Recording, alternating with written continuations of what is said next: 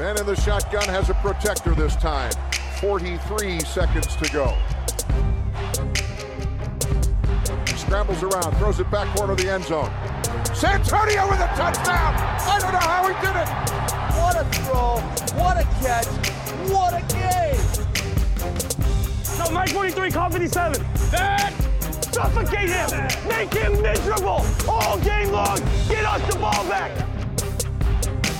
Could love him or hate him, but he was Brad. Hej och välkomna till ännu ett avsnitt av veckans NFL med Mattias Olsson, Lasse Thorman och Rickard Olsson. När vi har äntligen fått våra två Super Bowl-lag. Vi ska köra lite recap vad som hände här i conference-rundan och kolla lite grann på alla lag i NFL egentligen, hur de ligger till här inför off-season och, och hur vi tycker de trendar lite grann. Men eh, till att börja med, hur är läget med er Lasse och Rickard? Uh, nej men förutom att jag höll på att snubbla bort den här. Jag hade helt missat att vi skulle spela in idag. Så att uh, ni har väl suttit och, uh, varit frustrerade att det inte kommit. Men, men vad säger man? Sent om sidor eller vad säger man? Så uh, dök jag upp. Så jag har inte hunnit tänka mycket på vad läget är. Men, men vi säger väl att det är bra. Ja, jag som har haft jättelång tid på mig att förbereda mig då eh, i väntan på Lasse säger att det är jättebra. Jättelång tid. Ja, det, det är fint också att vi ska gå igenom alla 32 lag och jag kommer med blankt papper till, till den här inspelningen. Så att, eh, ja, ta fram sågarna lyssnare och bara hugg mig när jag pratar om eh, Daniel Jones i Washington Redskins och sånt. Exakt. Vi får se, se hur det där kommer gå. Men eh, vi Ja. kan börja med lite nyheter tycker jag som vi alltid brukar göra. Och eh, Senior Bowl är ju igång. Eh, Lasse kan inte du berätta lite grann vad Senior Bowl är för någon som inte vet det? Absolut. Eh, det är eh, ett, en träningsvecka som avslutas med en, en match med eh, inbjudna seniorspelare i college. Så att det är ju inte Chase Young eller Joe Burrow eller Tua Tagovailoa och de som är juniorer. Utan det är eh, bara seniorer som får bli inbjudna till en träningsvecka nere i mobil eh, Alabama. Eh, och så är det lite som combine, alltså de vägs och mäts och springer konövningar och hoppar högt och brett och långt. Lite konceptet som combine fast med en match som avslutade då. Eh, väldigt intressant. Det brukar ju vara, bli en del snackisar där som går med in över till combine sen. Att han hade en jättefin senior ball och han såg inte alls vidare ut. Så att eh, liten eh, tjuvstart på draften kan man säga. Ja, vi hade ju eh, Daniel Jones då som du nämnde. Han spelade ju Senior Bowl förra året och var en stor del av varför Giants valde honom så tidigt. Ja precis, vi får se vilka det är. Det är väldigt många eh, spännande seniorer tycker jag. Det känns hetare än vanligt. Justin Herbert här, lite bortglömd i år med, med Joe Burrow som varit så bra i quarterbacken i Oregon som det snackades om en hel del inför förra året. eh, Är väl kanske den stora utropstecknet bland quarterbacksen i år. Så får se om någon blir totalsåld och tar han som, vad tog jag ens honom, nummer 6 Daniel Jones eller något sånt. Eh, Ja, så det är absolut, det, det, det brukar väl gå på NFL Network och lite sånt eh, vill jag minnas. Eh, kika in där och se lite träningar, lite uppdateringar. Kommer sådana här rulllister i NFL Network eh, så brukar man få ganska bra resultat. Mm, ja, visst. Vill, vill minnas att Josh Allen också, Bills QB, spelade en riktigt bra på Senior Bowl och gick ju lite oväntat högt också. Ja, kan jag tänka mig den, det, liksom, det är ett moment att kasta långt. Så, så Exakt. kan tänka mig att han funkar det fint där. ingen pass rush så har man så här jättearm så är de där grejerna rätt eh, bra lägen att visa upp vad man kan. Eh, lite Absolut. mer draftnyheter. Det har ju kommit ut lite detaljer om, om draften i Las, Las Vegas som eh, planeras att hållas på eh, vattnet utanför Bellagio där de har alla de här fontänerna och grejer. Och eh, spelarna ska slussas ut till den flytande scenen via båt. Eh, låter ganska spexigt. Låter väldigt mycket Vegas. Låter väldigt mycket tid. Ja, jag, vet inte om de ska liksom streamlina det där eller ska man följa spelarna liksom ta på sig flytvästen och kliva på. Det är väl i och för sig kanske 40 centimeter djupt vatten där. Men, Ja, jag tänkte det. Men vad ska de åka båt från att uh, de säger uh, Cincinnati Bengals med sitt första val väljer Joe Burrow, quarterback LSU. Ska han sätta sig i en båt och åka ut liksom? Och, uh... Ingen aning. Jag tror ju att det här med att åka båt rör sig om typ så här kanske fem meters sträcka. För, så den är ju det är inte liksom en hel sjö den där fontänen. Och scenen lär ju vara rätt fet. Ja, det känns ändå som ett projekt. Ja, det kommer liksom. det ska vara. både eh, lätta ankare och lossa ankare under den här eh, liksom. Ja, ja det, det är ju spännande med draft i vanliga fall. Nu, nu får du ytterligare en dimension av spänning här. Kantra båten den första D-tacken där, Derek Brown liksom. Ja, det är mycket spännande moment där. Jag skrev på Twitter också och se, undrar vem som spelar. Den första spelaren blir som antingen hoppar ner i vattnet eller ramlar ner i vattnet.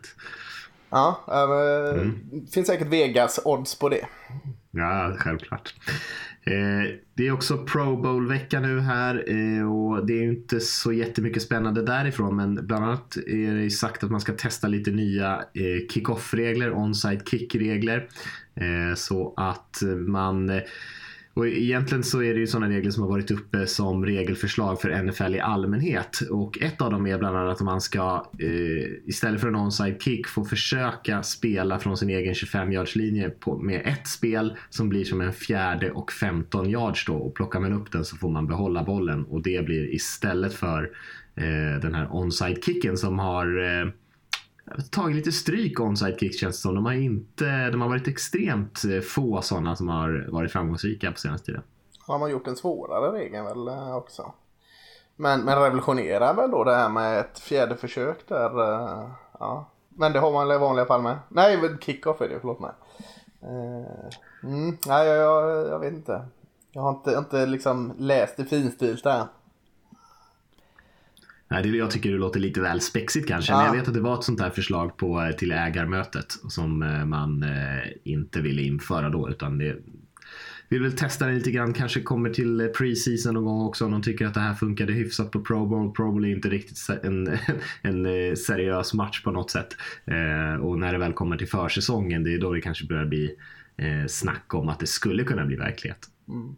Men det, det behövs ju göras någonting för så som onside kicken regeln ser ut nu att man inte får, att man måste stå stilla innan man eh, kickar och sånt har gjort att det är otroligt mycket lättare för mottagande lag än vad det har varit tidigare. Eh, så jag förstår att man är ändå nyfiken på alternativ. Mm. Ja visst. Sen kan vi också diskutera, ska man verkligen göra det möjligt för lag som ligger under att komma ja. i fatt hur fort som helst? Jag tänker, nu, hela matchen ska väl ändå betyda något? Ja, kanske. Ska, ska man kunna ta igen 16 poäng på 3,5 minut? Jag vet inte. Eh, men jag håller med dig om att den har blivit, eh, onside-kicken har blivit betydligt mindre spännande sen man inte mm. fick ha den här flygande starten. Eh, och det är för att man vill få bort kollisionerna såklart. Mm. Eh, ska vi hoppa och snacka lite grann om eh, matcherna som spelades i conference-rundan. Eh, det blev ju, och jag tror att vi pratade lite om det också på det sättet att vi kanske såg ganska tydliga favoriter i de här matcherna. Vi fick ju en hel del bekymrade Packers-fans där också som var lite, tyckte vi var lite tuffa mot Packers och inte riktigt gav dem en chans. Eh, och det blev ju inte så spännande i någon av de här två matcherna. Den första matchen så vann ju Chiefs relativt bekvämt mot ett Titan som ändå satt upp lite match. Men i den andra matchen, 49ers Packers, blev det ju total överkörning. Det var ju 27-0 i halvlek. Eh, och de vann med 17 poäng i slutändan, 37-20 och det resultatet var väl nästan missvisande för att 49ers var ju mer än 17 poäng bättre än Packers i den matchen. Eh, och vi kan väl kanske börja med eh, Chiefs-Titans-matchen som var den som spelades först. Eh, vad har ni att säga om den? Ja, men samma liksom tendens som, som Houston-matchen där. Eh, alltså det, att eh, Chiefs började lite väl lojt och Titans gick ändå upp i en fin ledning. Men då satt man ändå och tänkte på precis som det blev liksom. Alltså att, jag, jag, jag fattar inte riktigt eh, hur de gör det så enkelt, Chiefs. Liksom, Uh, Andy Reid fans sak, men försvaret här också tycker jag liksom när de behöver steppa upp så steppar ju de upp ett försvar som helt klart har sina fläckar liksom då tar de hand om um, Derrick Henry utan några större problem. Liksom. Det fascinerar mig liksom att inte bara det man på förhand ser som Chiefs styrkor utan även andra saker efter en och en halv kvart liksom. Det verkar ta det för dem att komma igång. Ja, det är lustigt. De började ju precis som de gjorde veckan innan med en eh, droppad passning på tredje down och så tänker man så här, jaha, fan vad de är, kommer ut mm. eh, kalla varje gång. Men eh, sen mm. när de väl får fart så är de ju, åtminstone anfallet är ostoppbart. Mm, och, Mahomes fortsätter springa tycker jag jättespännande mm. tendens. För det har han inte gjort under sin karriär i NFL alls väl. Eh, inte de matcherna jag har sett med Chiefs som har sett ändå ganska mycket tycker jag. Eh, klart han gör det som nödlösning ibland men nu känns det som vissa spel till och med liksom var skriptade för att han skulle springa i varje fall som ett andra eller tredje alternativ. Det har det inte varit innan. Nej, de, eh, nej men han gör ju en jättematch här igen och, eh, och precis som förra veckan och eh, är ju på väg mot ett riktigt monster-slutspel med Holmes. Så det kanske inte är så så förvånande med tanke på hur bra han är. Men jag håller med dig om försvaret där Lasse. Eh, Titus, eller Chiefs försvar som eh, var kanske det mest oväntade i matchen tycker jag. Att de ändå tar hand om Derrick Henry så bra som de gör. Han snittar ju drygt eh, ja, vad blir det, tre och en halv yard eller någonting per spel i den här matchen och i andra halvlek så kan ju Titans egentligen inte springa någonting eh, för att eh, Chiefs börjar liksom rycka lite grann och då försvinner ju Derrick Henry helt egentligen ur matchbilden. Men man hade ju rätt bra kontroll på honom innan det också. Ja, men det, det, blir ju det som, som vi förvarnar lite när de skulle möta Ravens. Att liksom, de måste vara med i matchen för att kunna ha en ärlig chans med sitt spel. Och det var de i allra högsta grad eftersom de ledde ganska bekvämt i början. Men när det rycktes lite från Chiefs där, då, då kändes de lite planlösa, eh, Titans ändå. Ja, och framförallt när de, när det, liksom, de märker att de inte får Eh, resultat i sitt springspel. För Chiefs är ju hela tiden uppe och utmanar dem till att passa. Och, eh, Romo sa ju där någon gång mitt i sändningen att de kör ju goal line försvaret liksom på 50 yardslinjen för att så här, nej men vi ska stoppa Derek Henry, spela på utsidan och annan man, vi bryr oss inte. Och då har de ändå ganska dåliga corners. Eh, mm. Så det är ju istället för som man tänkte att som både Patriots och Ravens kände som att de försökte med att vi försöker plocka bort passningsspelet för så bra kan de aldrig springa mot oss. Eh, och nu var det lite motsatt. Okej, okay, men vi försöker lägga matchen då i, i Tannehills händer. Mm, ja verkligen. Och, och Tannehill, eh, det är ju lite risky business också eftersom Tannehill som vi varit inne på har ju haft en, en eh, gudomlig höstsäsong här om man ska kalla det. Mm. Eh, men, men med facit i hand så var det ju väldigt bra gameplay.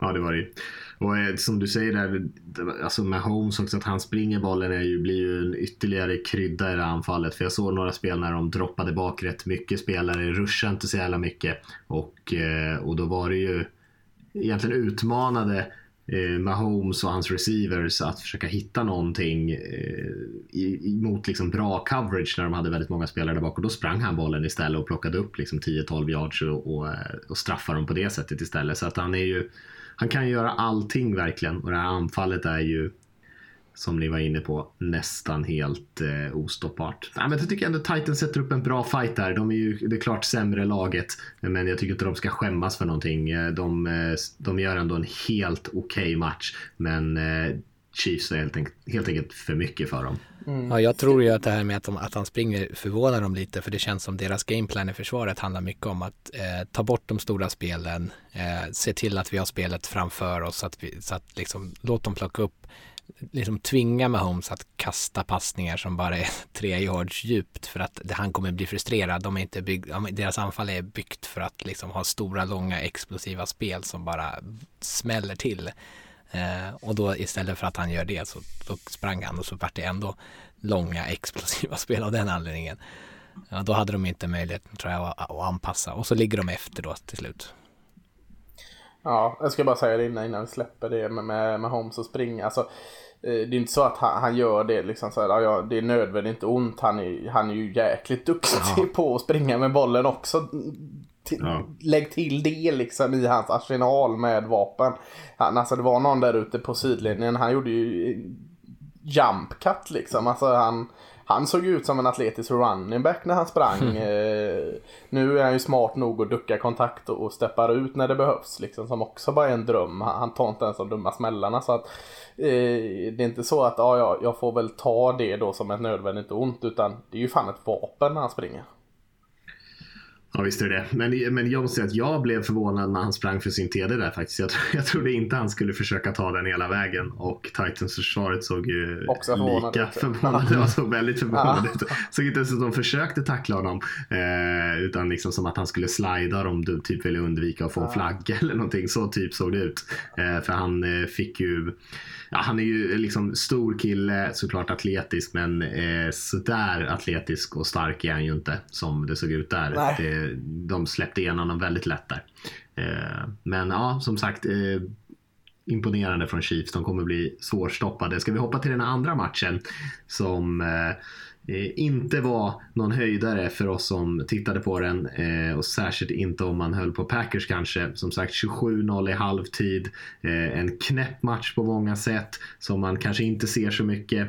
Eh, de 49ers sprang ju bollen på nästan 80% av sina spel. Hade ju 41 springförsök medan de bara passade bollen åtta gånger med Jimmy Garoppolo. Raheem Mostert, deras running back som eh, har hoppat runt på mängder av olika NFL-lag och är väl vad man ändå skulle säga en total random eh, till spelare. Eh, springer för 220 yards, fyra touchdowns i den här matchen. Är han det då?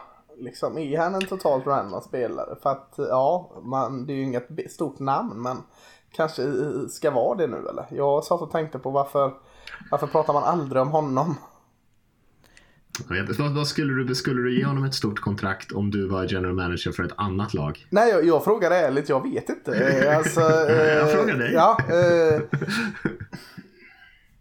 ja, just running backs och stora kontrakt kanske inte är en framgångssaga av, av uh, episka mått mätt. Men, men uh, Ah, ta det i jämförelse med någon annan då. Eh, vad har vi för running backs ute? Eh, som Todd Gurley eller honom liksom. Jag hade väl kunnat se eh, att Todd Gurley får stå i skymundan. Jag vet inte. Det känns bara konstigt. Jag satt också och tänkte på just det liksom. Vad är det här för running back och hur mycket är det han liksom? Men offensiva linjen är inte någon sån jävla köttalinje heller. Så, är det bara system yards han tar? Jag, jag fattar ingenting. Alltså det är ju inte, I den här matchen så springer han ju rätt mycket yards efter kontakt och sånt ja. där också. Men kontakten är ju ofta så här armtacklingar som slänger sig efter honom och såna där grejer. Och annars tyckte jag att det var väldigt bra blockerat. Och inte minst med liksom deras tight ends och receivers som gör ett jättejobb att blockera liksom i senare delarna av spelet. Ja, jag. det det med. Alltså most, Mostert är ju imponerande. Men han är ju verkligen liksom en atletisk, ganska lätt, snabb spelare. Så är det inte bra blockerat så tror jag han har det ganska svettigt. Men jag tycker mig man har sett det i 49ers med, med Shanahan att när man har, liksom har bytt ut spelare oavsett om det är Coleman, Matt Breida, eh, Mostert. Det spelar liksom inte någon jättestor roll. Sen klart Mostert ska ha mycket cred för att han spelar otroligt bra just nu. Men eh, jag tror att det är väldigt mycket system. Mm. Ja, han, han, är ju duktig på liksom att veta när vilket hål ska jag attackera i, i det här zonblocket när de är på utsidan och när ska jag dra och när han väl gör det så är han ju otroligt, otroligt snabb så det hjälper ju såklart. Ja, smart och snabb. Smart och snabb. Det är en, ofta ja. en bra kombination om man är running back. Verkligen. Uh, Packers då? Uh, varför var de, bjöd de inte upp till dans mer? Uh, försvaret hade ju klara problem och Aaron Rodgers hade stunder men inte så mycket mer än så. Det ham, de ham, alltså försvaret, dels är det ju svårt att, att stoppa eh, det här springspelet. Eh, ja. Och sen så känns det som att de, är, de har inte riktigt den bredden tror jag. Eh, att kunna spela en så utdragen eh, match där serierna blir långa. Eh, och så framförallt så tycker jag att de läcker, alltså att det, att det finns hål i deras linebacker core.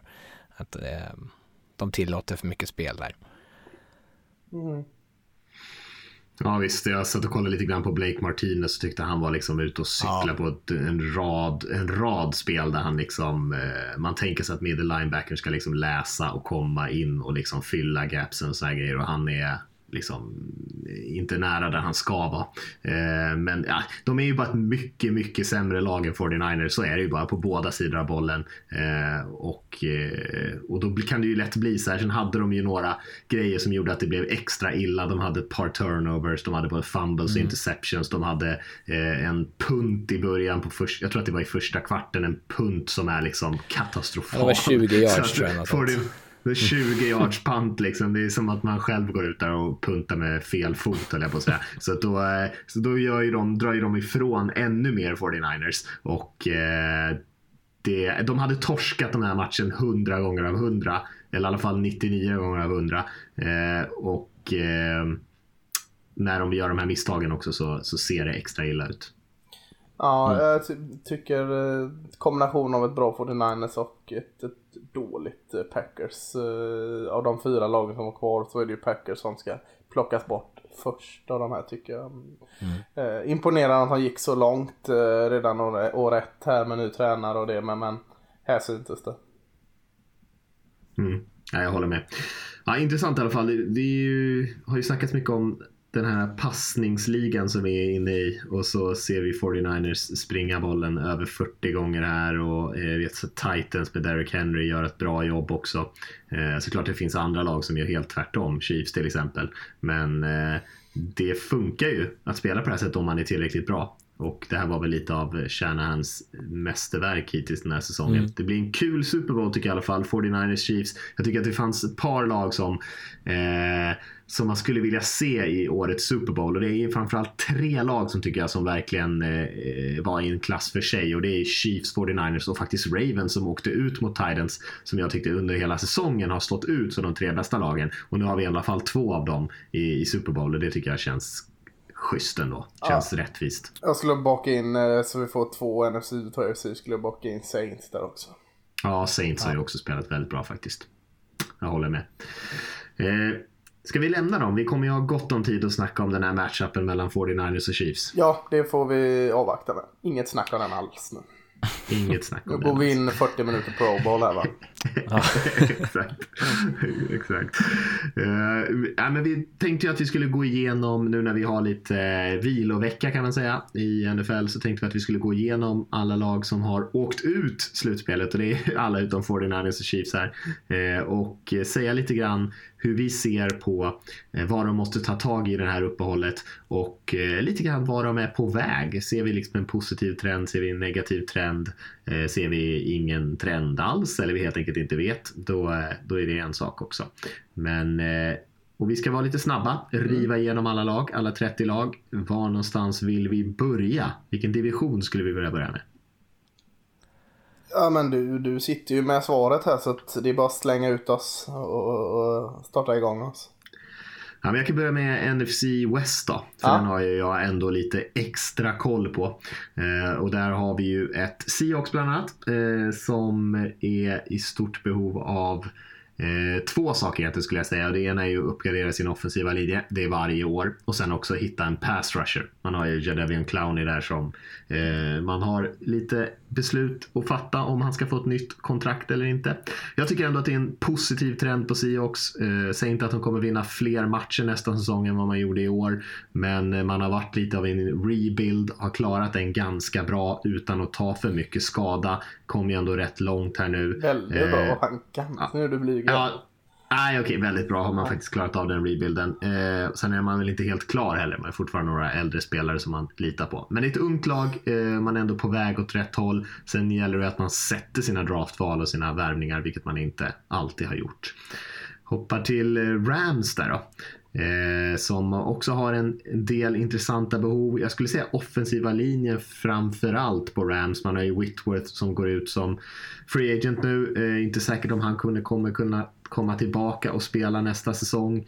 Eh, och även om han gör det kanske man måste fundera på hans ersättare där på left tackle. Man har också lite issues i centrala delen av offensiva linjen.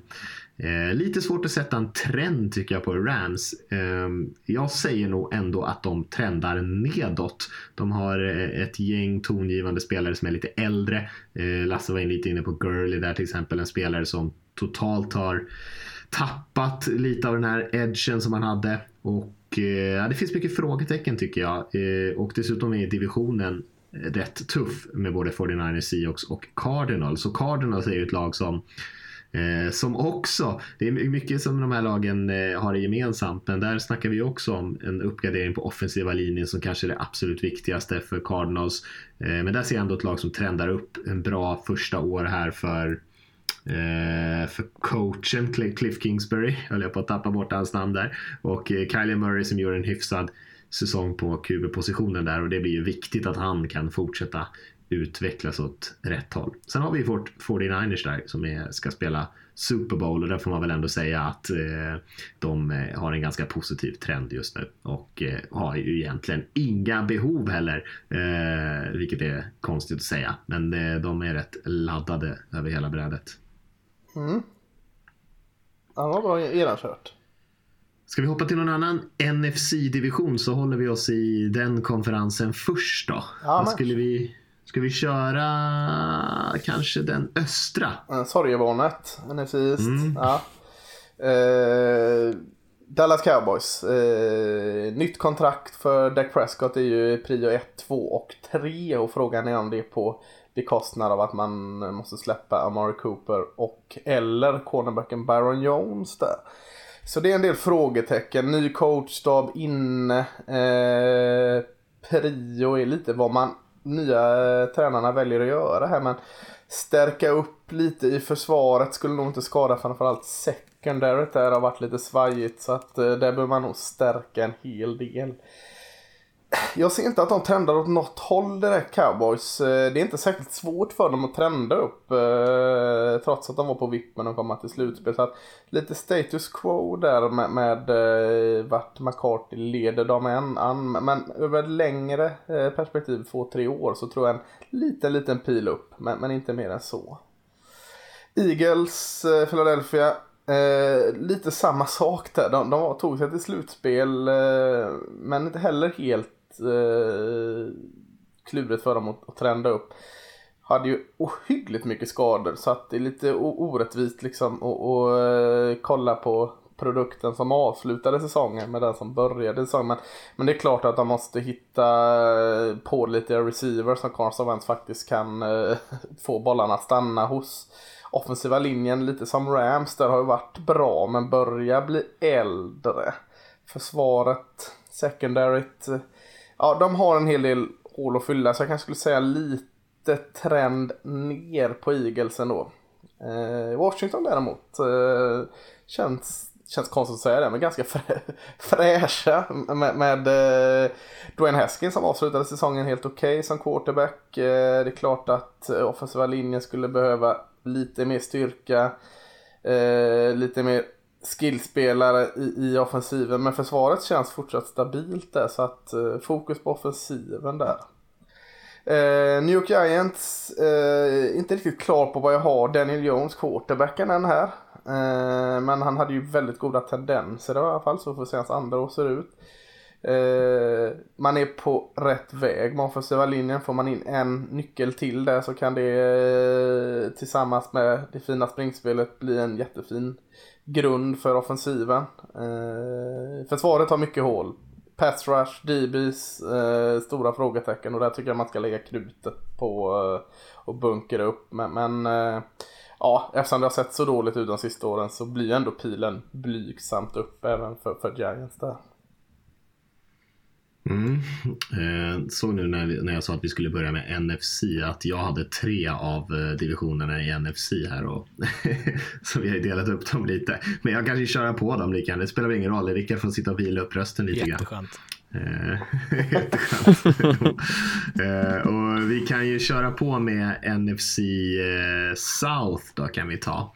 Eh, och där har vi ju bland annat New Orleans Saints som vi pratar om här nu som såg väldigt bra ut i år. Många trodde att det var deras år. De har ju ett stort beslut att ta kring sin quarterback-position och Drew Brees. Hur mycket har han kvar? Är det dags att börja titta på hans ersättare? Eh, och annars är det ju kanske en, en receiver bakom eh, eh, Michael Thomas som är eh, man måste hitta lite fler pålitliga alternativ till anfallsspelet. Annars har man ju en del bra grejer på plats tycker jag. Men ändå så är det ju svårt att säga att i alla fall på om man tittar några år fram att de har en positiv trend. Det är lite svårt att säga. Eh, Drew Brees har ju visat vissa begränsningar, särskilt i slutet på säsongen de senaste åren. Och det lär ju inte bli jättemycket bättre för 40-åringen. Eh, så nedåtgående trend skulle jag ändå säga. Eh, om man nu tittar lite framåt. Vi har ju också Atlanta Falcons i den divisionen. Eh, största behoven där är väl egentligen längs den defensiva linjen. Kanske framför allt att få in lite pass rush. Eh, och sen så, man har ju en del andra eh, behov också kanske på insidan av offensiva linjen. Men annars tycker jag det finns en del positivt där fortfarande. Matt Ryan fortfarande i en del av sin karriär där han fortfarande kan leverera. Eh, har ju bra spelare och förstärkt på den offensiva linjen med en del unga spelare och hoppas att de ska kunna landa bra. Eh, men jag tror ändå att Atlanta skulle kunna göra en bättre säsong nästa år än vad de gjorde i år. Jag tror ju alltid alldeles för mycket på Falcons. Mm. En av mina stora svagheter. det kan vi ta en annan dag. Eh, så jag ser ändå en positiv trend för Falcons jämfört med resultatet den här säsongen. På sikt eh, är det väl lite mer frågetecken skulle jag säga. Tampa Bay Buccaneers eh, gjorde en helt okej säsong. Jag tycker att truppen är full med talang. Det har den varit i flera år egentligen och jag är lite besviken att de inte har levererat bättre än vad de har. Största frågan är ju quarterback-positionen. James Winston är inte tillräckligt riktigt bra för att starta i NFL. Eh, tycker jag han har visat med all möjlig tydlighet. Eh, det låter ju som att de ändå ska låta honom starta nästa säsong och i så fall hamnar kanske eh, investeringarna på pass rushen. Men, eh, men QB-positionen är det som i första hand håller Bucks tillbaka skulle jag säga. Eh, jag ser en nedåtgående trend för Tampa Bay. Kommer inte kunna behålla alla de här duktiga spelarna som man har samlat på sig Eh, hur länge som helst och man kommer inte kunna göra någonting av det här fönstret eller vad man nu ska kalla det eh, som de har nu. Carolina Panthers Också svårt att se att det är en riktigt positiv trend där. Eh, också frågetecken kring QB-positionen. Cam Newton kommer han stanna kvar. Den offensiva linjen behövs rejält med investeringar i. Eh, man har ju sin nya ägare, sin nya coach. Jag tycker det finns mycket positivt kring dem. Där tycker jag ändå att jag skönjer liksom en positiv trend. Att det känns som att man har en bra, klok ledning inne. Rule låter som att han eh, har en vision som han vill jobba med. Eh, truppmässigt är det väl neråtgående men liksom ledningsmässigt uppåtgående. Så vi kan väl säga att det blir en flatline på Panthers där. Mm. Eh, och det var lite tankar kring NFC South där. Är det någonting som ni vill kommentera? Ja, James Winston. Det är ju ett oerhört giftigt, oerhört giftigt offensiv. Alltså vad händer om man plockar bort James Winston? Det blir mindre interceptions, absolut. Men blir det så explosivt offensiv? Ja, det beror på vad man eh, får in. Man kommer inte kunna drafta jättehögt såklart. Nej. Eh, så det beror på vad som finns tillgängligt kanske. Vad var det Men, Philip Rivers hade köpt hus i Florida? Exakt. kanske kan få tag i Cam Newton från konkurrenten där. Ja, just det. Mm. jag, jag, jag köper fullt ut den här James Winston eh, huvudvärken. Men eh, samtidigt så man tar lätt upp det onda, glömmer det goda.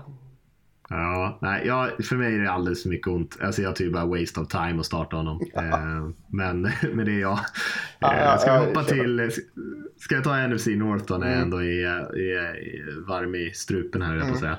Eh, vi kan börja med Chicago Bears där. Det finns ju också frågetecken kring deras QB, men det låter ju inte som att man ska göra så mycket där. Och då finns det ju en hel del frågetecken kring deras offensiva linje. Och skulle även behöva få in en en bättre tight end där. Eh, det är ju ganska tuff konkurrens i den divisionen även fast det finns såklart man kan diskutera hur stark den kommer vara framöver här. Eh, har ju inte varit Eh, Eh, det är inte självklarhet att det kommer vara en av de tuffaste divisionerna framåt. Men jag ser ändå en nedåtgående trend för Bears. Man byggde upp ett så bra runt omkring eh, Trubisky som bara går eh, de senaste åren. Här, kanske för, framförallt för två år sedan. Och eh, det räckte hyfsat långt. Nu kommer man inte kunna vara lika bra runt omkring och Trubisky har inte blivit särskilt mycket bättre. Så jag ser att det går åt fel håll tyvärr för Bears.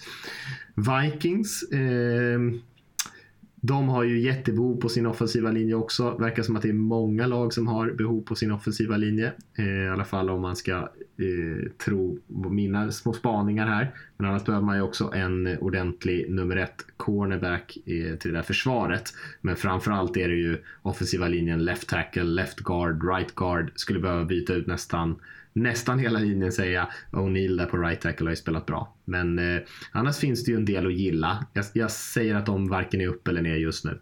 Eh, Lions ser det lite nedåtgående trender. Jag ser inte så mycket hopp. Truppen är ganska svag. Det finns en del bra grejer. Men ja, man saknar en riktig pass rush. Jag tror liksom värvningen av Flowers där från Patriots har inte riktigt landat. Han har gjort en helt okej okay säsong men han har inte löst rushproblemen. Man försökte bygga sitt anfall lite grann kring sin running back där, Carrion Johnson, men han lyckas inte hålla sig på planen. Har nu varit borta med skador, eh, knäskador också, båda gångerna de två senaste säsongerna här och missat, jag tror att han har missat åtta matcher ena säsongen och sex eller sju matcher den andra.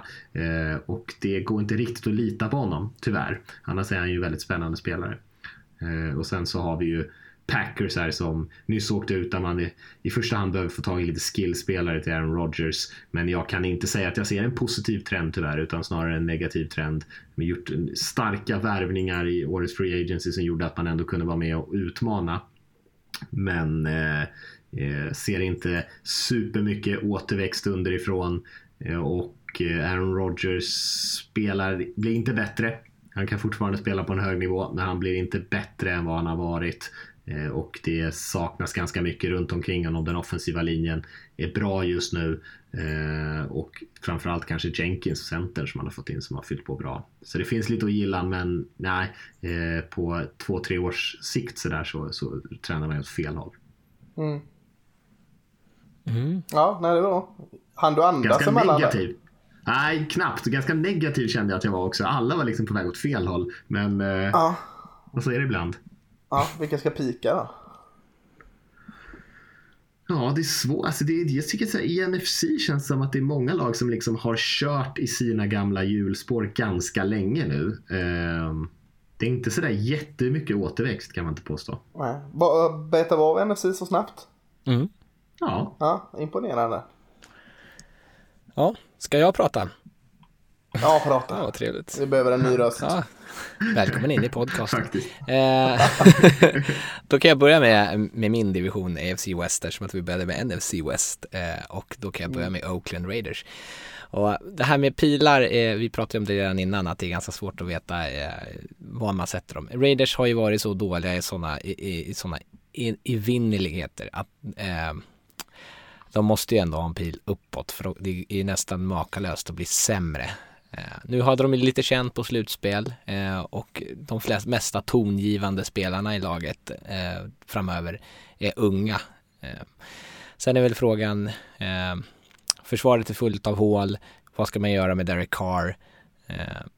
kan man gå tillräckligt långt med honom? Är Gruden lite för passé? För det, det finns så mycket frågetecken i, i truppen som är svårt att veta ifall de verkligen är på väg upp. Men med Josh Jacobs där, Max Crosby, eh, med Mullen, med Allen. Eh, det, finns, det finns mycket, nej Adams. Det finns mycket spelare som, man, som jag ändå kan tänka mig kommer kunna eh, spela på en hög nivå. Eh, men det är också väldigt svårt att veta så här eh, tidigt i deras karriärer och när man inte har kanske eh, en så stabil, ett stabilt bygge i övrigt. Men jag skulle ändå säga att de pekar uppåt. Får de in en bra wide receiver då kan de ha ett anfall som kan vara med och utmana på ett annat sätt och ha någon sorts typ av drivkraft i en match. Mm. Så går jag vidare, tar vi Broncos. Och nu kommer jag ju låta värsta hatern här. Eh, de tycker jag är jättesvåra, men jag skulle nog säga ner. Eh, och det är trots att jag ändå tyckte om en del av det som Drew Lock gjorde och jag ändå eh, tänker mig att han skulle kunna bli en kompetent starter. Men eh, de har de senaste åren varit ganska dåliga på att fylla på med eh, talang. De har en del unga spelare som känns lovande med Justin Simmons, safetyn framförallt kanske och wide receiver eh, Cortland Sutton. Men här tycker jag inte att de har jättemycket som ska kunna liksom ta över det här uh, framförallt kanske delar i försvaret att kunna ta över och, och fortsätta spela på sån här hög nivå. Även om jag eh, är väldigt imponerad av vad Vic Fangio gjorde, åtminstone under andra halvan av säsongen med det här försvaret. Eh, så den är ganska svår. Eh, mycket handlar ju om... Det blir ju... Vad sa du? Det blir ju jobbigt att fylla på med talang när man alltid ska ta en quarterback på första valet. Så att de har ju satt sig i en liten illa situation.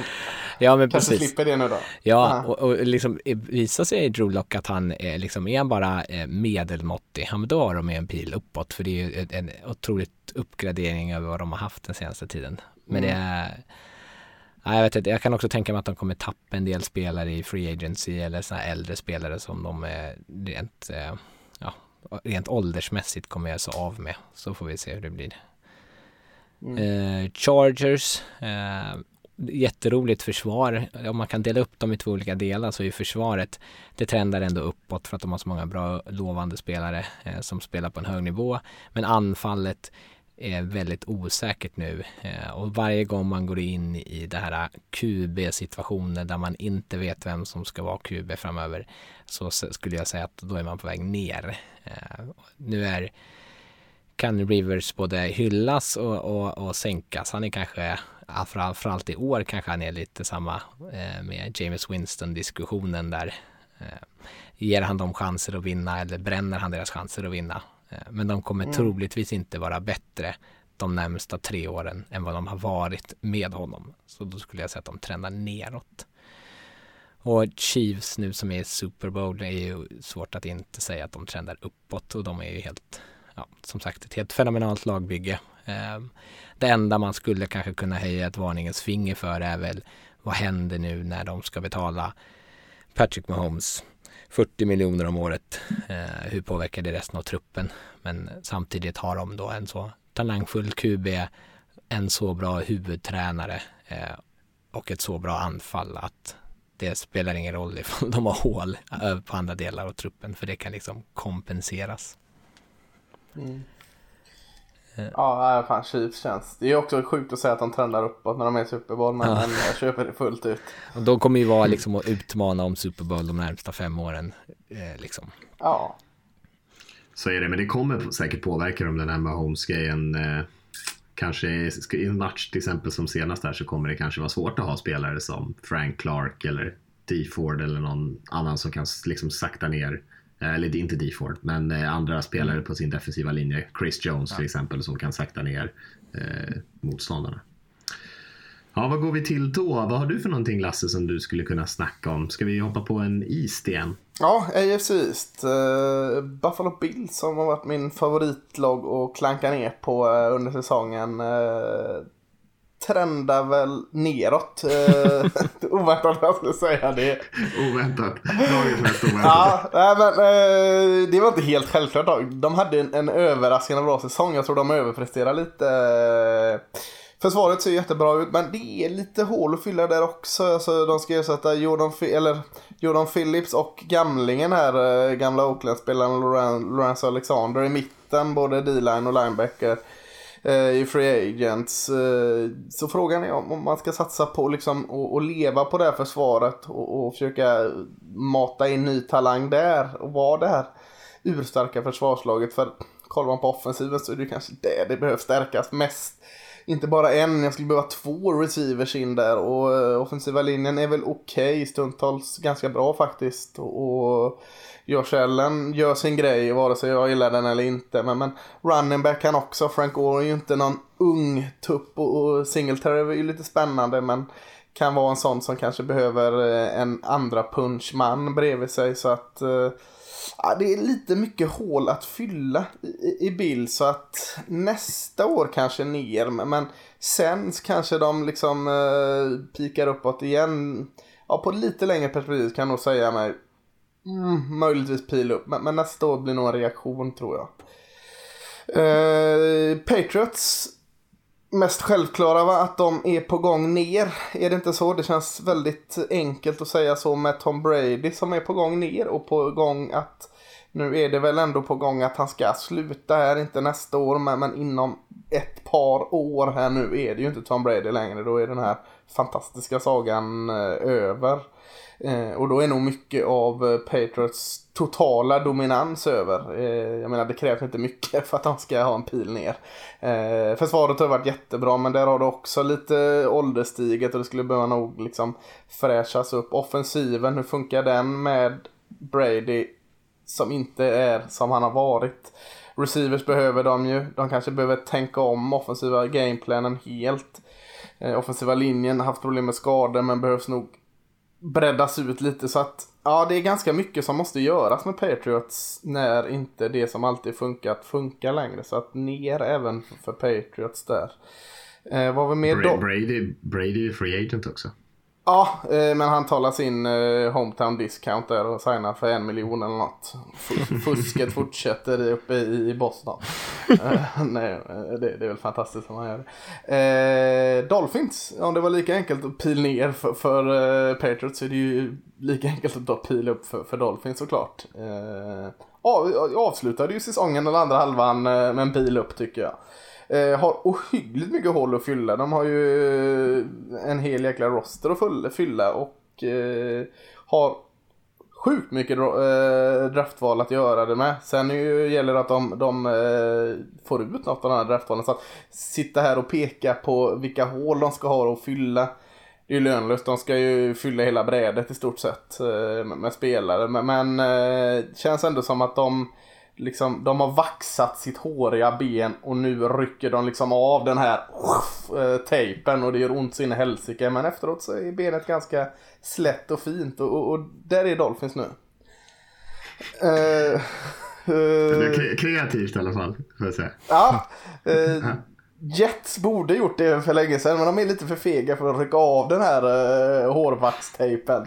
De... Du kör vidare på den här alltså? Hårvax? Ah, uh, de, de, de, eh, de, står där och, och, drar den du vet långsamt. Vi kan ta plåster det är väl en bättre metafor och, rycka av snabbt. Men jag vet inte varför jag fick hårvax upp i huvudet.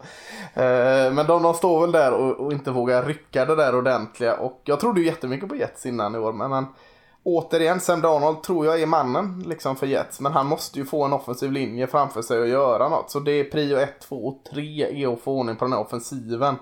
Eh, offensiva linjen, receiver som kan hjälpa till. Eh, Levion Bell eller inte Levion Bell eh, är också en fråga som man måste ställa sig. Defensiven, finns säkert hål att fylla men lämna den lite åt sidan. Den, den kan klara sig. Offensiven, hjälp Sam Darnold är prio, prio, prio. Och jag tror nog inte att den pilen är upp riktigt än. Den borde varit mer upp i år, vilket den inte var. Så att, äh, jag säger väl pil ner på Jets och det är väl typiskt Jets att det alltid är en pil ner. De, om, om Dolphins fick en pil upp för att de avslutade starkt. Jets vann ju ändå sex av sina åtta sista matcher. Ja men Jets är Jets ja, också. De, de, eh, de, gör inte den här ändringen. De, de uh, kör fast i gamla spår om och om och om igen. Uh, det är ju så typiskt New York Jets att göra det. Jag trodde ju jättemycket på dem och de avslutar jättesnyggt. Och jag skulle jättegärna prisa dem. Jag har någon svaghet för Jets. Men, men nej, de hittar hela tiden nya uh, buskar att förstöra sina nya fina byxor i. Riktig ordtrollkarl idag Lasse. Ska vi hoppa vidare till, eh, vad har du Rickard? Har du dem kvar? Jag kan ta AFC South, kan vi gå in på. Mm, eh, så kan vi börja med Jacksonville Jaguars, där tycker jag att eh, de har en trend ner. Eh, det här försvaret som vi eh, för några år sedan eh, vande oss vi skulle vara superbra. Man tänkte att nu kommer de vara dominanta, ja, åtminstone på försvarssidan i många år framöver.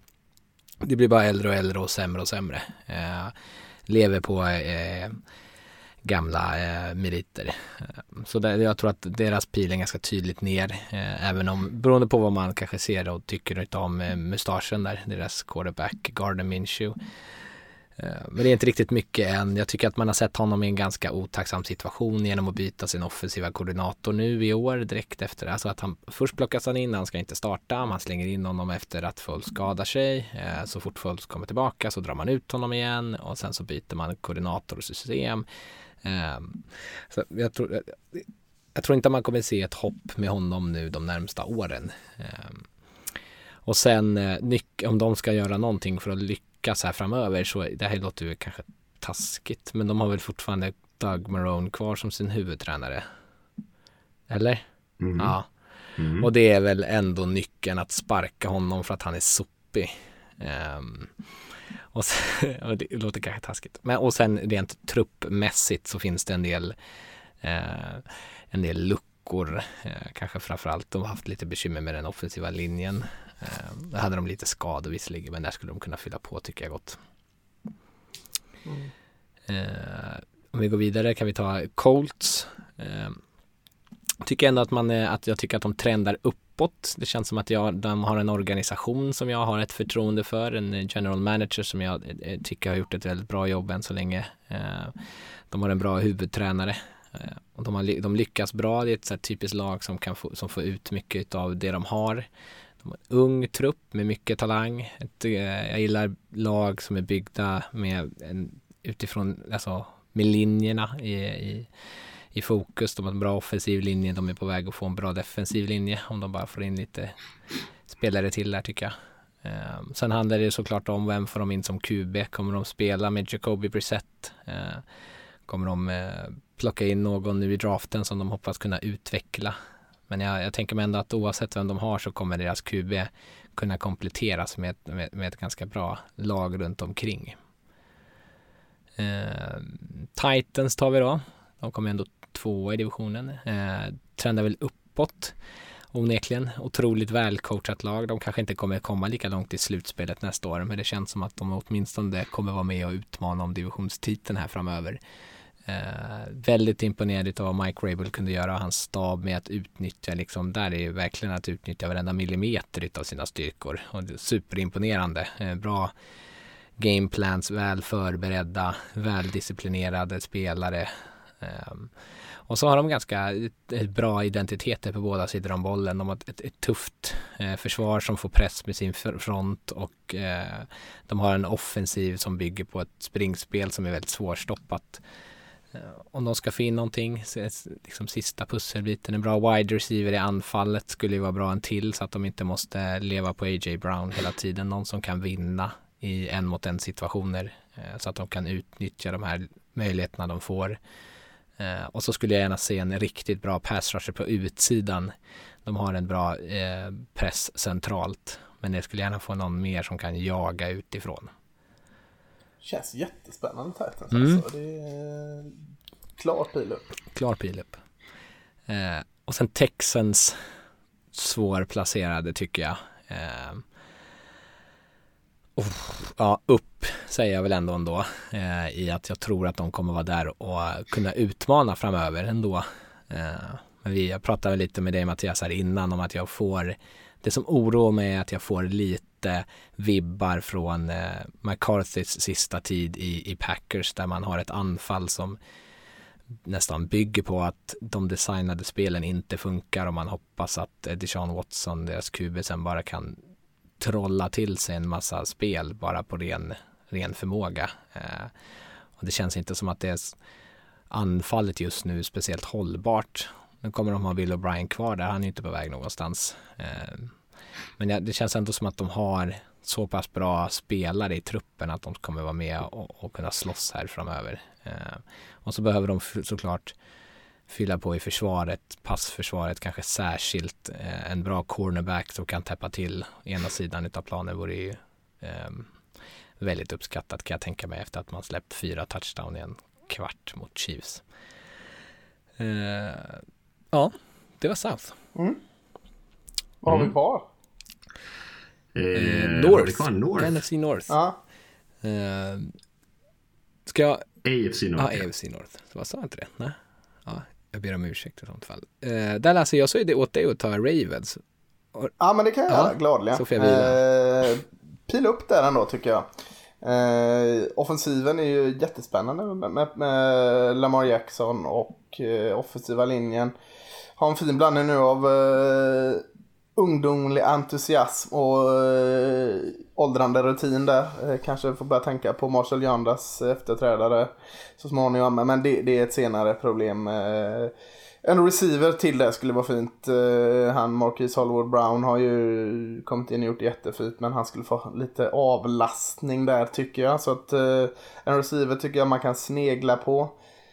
Eh, defensiven är bra. Eh, men inte kanske i linje med offensiven.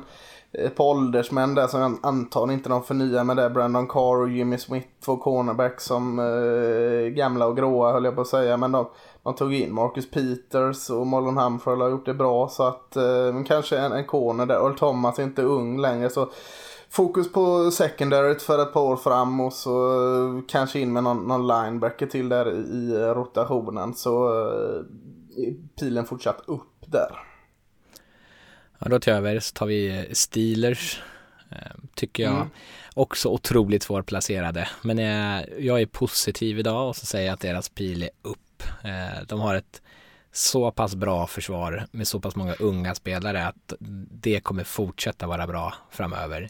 Och sen är väl frågan vad som händer med deras QB-position. Eh, jag vet inte vilken nivå Big Ben kan spela på. Eh, han är i alla fall tänkt att vara tillbaks nästa säsong. Får vi se vad det innebär. Eh, sen har de ingenting annat visserligen. Eh, jag tror varken på Mason Rudolph eller Duck Hodges där. Eh, så där skulle de behöva kanske få in en, en QB som kan ge eh, hopp inför framtiden. Mm. Men eh, känns ändå som att de har en bra trupp generellt om man tar bort just QB-positionen. Sen är den kanske viktigast såklart, men eh, ändå bra trupp. Bengals eh, ner. Eh, de kanske inte kommer vara sämre än vad de har varit i år, det vore ju historiskt. Eh, men eh, de är i alla fall inte på väg uppåt. Hela laget känns ju som en stor katastrof. Nu kommer de ju drafta en, en ung lovande QB eh, i Joe Burrow. Eh, så anfallet kommer säkert kunna bli bättre och de kanske kommer kunna vinna en del matcher. Men det är fortfarande så pass många hål och så många problem med den här truppen. Att jag tror att de kommer ha eh, otroligt svårt att kunna utmana och framförallt i en ganska stark eh, division. Mm. Ja, verkligen. De har ju väldigt få bra unga spelare. Mixon har ju spelat väldigt mm. bra i tysthet men i övrigt så är det de liksom spelarna som är bra i Bengals är ju de som eh, är på slutet av sina karriärer. Ja, precis. Eh, och sist men inte minst, världshistoriens mest hypade lag då, eh, Cleveland Browns. Och, eh, jag vet inte var deras pil är just nu, men jag skrev ner. Eh, och det är väl kanske taskigt men det känns eh, som att de är på väg mot samma gamla medelmåttiga Browns igen. Eh, jag är inte helt såld eh, eller helt säker på nya huvudtränaren Kevin Stefanski där från Vikings. Eh, jag tycker att de gör lite samma misstag som de gjorde med Kitchens, att de plockar in någon oerfaren eh, som kanske inte kommer vara eller veta riktigt hur han ska hantera den här truppen som ändå innehåller en del bångstyriga spelare och det känns som att de kanske har ett omklädningsrum som är lite lite knepigt sådär. Och då behövde, hade jag önskat att de hade tagit in en ledare som liksom kommer dit med eh, lite jävlar anamma och sen också är en person som kan backa upp det. Eh, nu vet jag inte hur Stefanski är, men jag tänker mig att om han ska försöka tillrättavisa Odell Beckham Jr till exempel så kommer han ju få kommentaren av vem fan är du? Eh, och, och, då har han ju rätt också, tyvärr. Så där, jag tror att de eh, bara trendar neråt. Har han inte mer att jobba med, eh, om nu är han ju HC, men han var ju bara OC i, i Vikings, men om man, det är ganska, går att dra ganska många likheter mellan Vikings offensiv och Browns offensiv, alltså på pappret. Nick Chubb som någon form av vad heter Cook, han nu, running backen i Viking? Ja, Delvin Cook. Absolut. Och, så eh, bättre receiverstyrka om de här egorna kan få ordning på sig. Tveksamma offensiv linje har ju båda och eh, spännande tight. Så att, eh, lite, lite samma samma där mm. i, i eh, Browns offensiv som Vikings offensiv. Få in det i, i Browns. Så Cousins är ju mycket bättre än Mayfield och Mayfield spelar som han gör den här säsongen i alla fall. Ja, men nu är ju Stefanevski det, eller Stefanski heter han. Mm. får, får han en medelmåttig Cousins som ser bra ut så kan han få en, en uh, svajig Mayfield och ser bra ut. Ja, det känns, som att det, det känns som att det är det det hänger på ändå. Ja. Så tycker jag framförallt att Baker Mayfield uh, måste ju spela otroligt mycket bättre än vad han gjorde den här säsongen. Det är ju, jag, jag blev nog förvånad, jag vet inte hur förvånad alla andra blev, men eh, över att han gjorde en så pass dålig säsong mm. ändå efter en lovande första säsong. Klart att han kastade ganska mycket chansbollar, improviserade en hel del och det stod lite, såg lite sådär svajigt ut och för det mesta lyckades det. Så man tänkte att det där kanske han måste putsa lite på. Men nu känns det som att liksom allt gick fel den här säsongen. Eh, varje gång han testade någonting sånt där så, så gick det inte hem. Eh, så det, han behöver ju ta rätt många steg framåt. Ordning och struktur gör mycket vet. Det kändes inte som det var Browns mantra förra året med ledarstaben. Så, eller de senaste 25 åren. Så att eh, kanske det är enda som krävs. Ja, alltså de behöver munkavel på skulle jag säga på honom. Eh, inför mm. draften så pratar man om, om Mayfield, att vad är hans största frågetecken? Det, vad är han intresserad utav? Att spela fotboll eller att stå i centrum? Och så känns det som att vad, vad, han, vad man gör, vad ser man honom? Man ser honom på tv i reklamer, man ser honom ja, i massa olika kampanjer. De reklamerna ändå. de är rätt bra. Ja, de är väl okej. Okay. Eh, kanske inte, om jag hade varit eh, Browns-supporter hade jag nog tyckt att han borde ägna sig åt något annat. Men liksom allt det här som man var orolig inför känns det ändå som att han på något sätt har införlivat. Han levde nog ganska bra förra, inför den här säsongen under förra sommaren när alla pratade om honom konstant hela tiden och han var världens bästa människa liksom. Och det kanske, han kanske liksom har lite svårt att hantera det. Men vad, ja. Ja, vad, vad är det, är det, jag fastnar för reklamen nu, förlåt. Är det Home Insurance eh, eller vad fan är det reklam för det? Ja, visst är det det Take care of your house ja. typ. Ja, eh, mm. jämför det med Aaron Rodgers eh, jäkla State Farm och Dak Prescotts sopper. Så att han vinner ju reklamligan lätt. Mycket bra, mycket bra. Ja. ja. Eh, det håller jag med om. Den State Farm-reklamen är man ju rätt trött, de är ju rätt usla. Alltså. Ja. Men eh, nej, jag håller med lite grann. Det, men jag tänker så här med Mayfield, det han måste lära sig är att liksom Alltså, folk kommer snacka skit om honom hela tiden tills han spelar bättre. Alltså, det spelar ingen roll liksom, hur mycket kaxiga och smarta säger, saker han säger liksom, i sociala medier eller på presskonferenser. Eller, eh, han kan liksom inte vinna den striden, så det är ingen idé att ta den. Enda sättet han kan liksom, få tillbaka någon typ av respekt eller få folks respekt överhuvudtaget är ju liksom att han levererar på planen. Och så liksom skit i allt annat. Men frågan om han klarar av att släppa det. Det verkar Snabbt. inte riktigt så. Knappt det är liksom alltså att eh, så länge han biter tillbaka så kommer de ju eh, reta honom. Eh, det är bara att kolla ja. på Richard Sherman här. Han har spelat bra nog och de är ändå på att reta honom. Ja, ja visst. Ja, visst. Man bjuder ju bara in till mer ja. eh, snack när man håller på och eh, när, när, någon, när, de, när de märker att som sagt man får mothugg mm. då är det mer intressant. Det är som ett troll på Twitter höll jag på att säga. Eh, ja, det var hela NFL det. Mm. Det gjorde vi ändå ganska hyfsat smidigt tycker jag. Mm. Eh, vi ska väl ta och runda av här och sen nästa vecka blir det väl full fokus på, eh, på Super Bowl såklart, som sig bör. och analysa den matchen och lite snack om vad som händer runt omkring kanske till och med. Men vi säger väl så för den här veckan. Tack alla ni som har lyssnat så, så hörs vi igen i nästa vecka när det är dags för den stora matchen. Yes, tack.